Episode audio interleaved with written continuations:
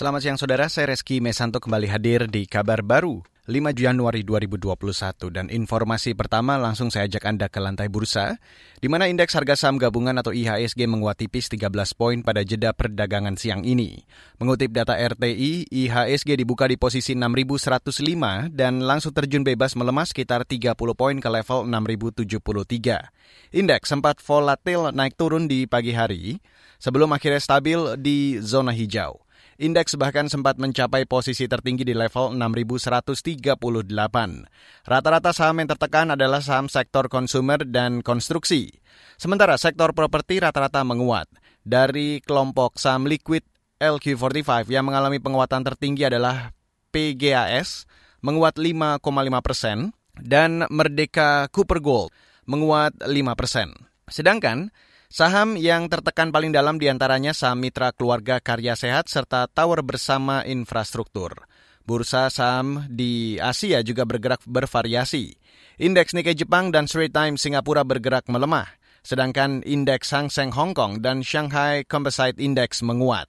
Sementara itu, saudara data RTI juga memperlihatkan rupiah bergerak menguat 0,38 persen dan diperdagangkan di level 13.893 per 1 dolar Amerika Serikat.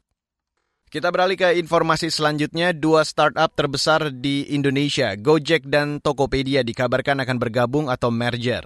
Mengutip Reuters, isu ini muncul dalam pemberitaan Bloomberg hari ini. Kabar rencana merek merger Gojek dan Tokopedia ini menjadi kabar besar di awal tahun.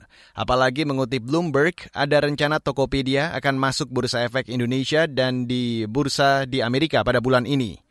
Jika kabar itu terwujud, merger dua perusahaan ini bakal masuk 10 besar saham perusahaan terbesar di Bursa Efek Indonesia.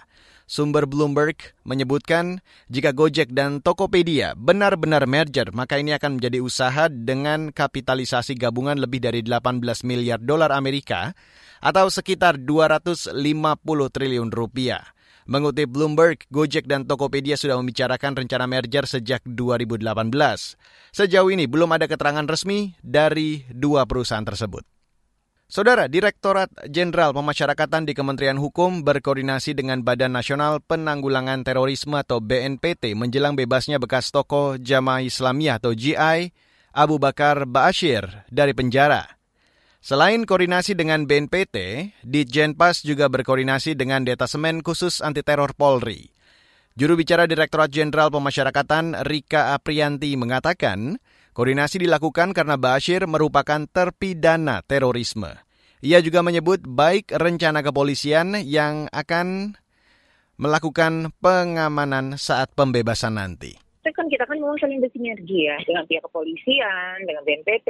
Nah itu bagian dari sinergi dan dan kami ya menyambut baik karena kan kemungkinan-kemungkinan itu kan pasti ada. Saya meyakini pihak kepolisian itu kan sudah sudah memperkirakan uh, kemungkinan-kemungkinan hal itu. Gitu. Dan ya kita sambut baik. Tapi sekali lagi, memang kami sudah pihak lapas khususnya sudah berkoordinasi dengan pihak-pihak yang terkait menjaga kemungkinan-kemungkinan yang tidak diinginkan. Itu tadi juru bicara Direktorat Jenderal Pemasyarakatan Rika Prianti Abu Bakar Bashir merupakan narapidana kasus terorisme. Pada 2011, ia difonis bersalah dan terbukti merencanakan serta menggalang dana untuk pembiayaan pelatihan militer di Aceh. Pendiri Jamaah Ansorut Tauhid atau JAT dan Majelis Mujahidin Indonesia itu dijebloskan ke lapas Gunung Sindur Bogor, Jawa Barat. Abu Bakar Bashir akan bebas murni pada Jumat mendatang setelah menjalani hukuman 15 tahun penjara dipotong 55 bulan remisi. Dan saudara demikian kabar baru saya Reski Mesanto.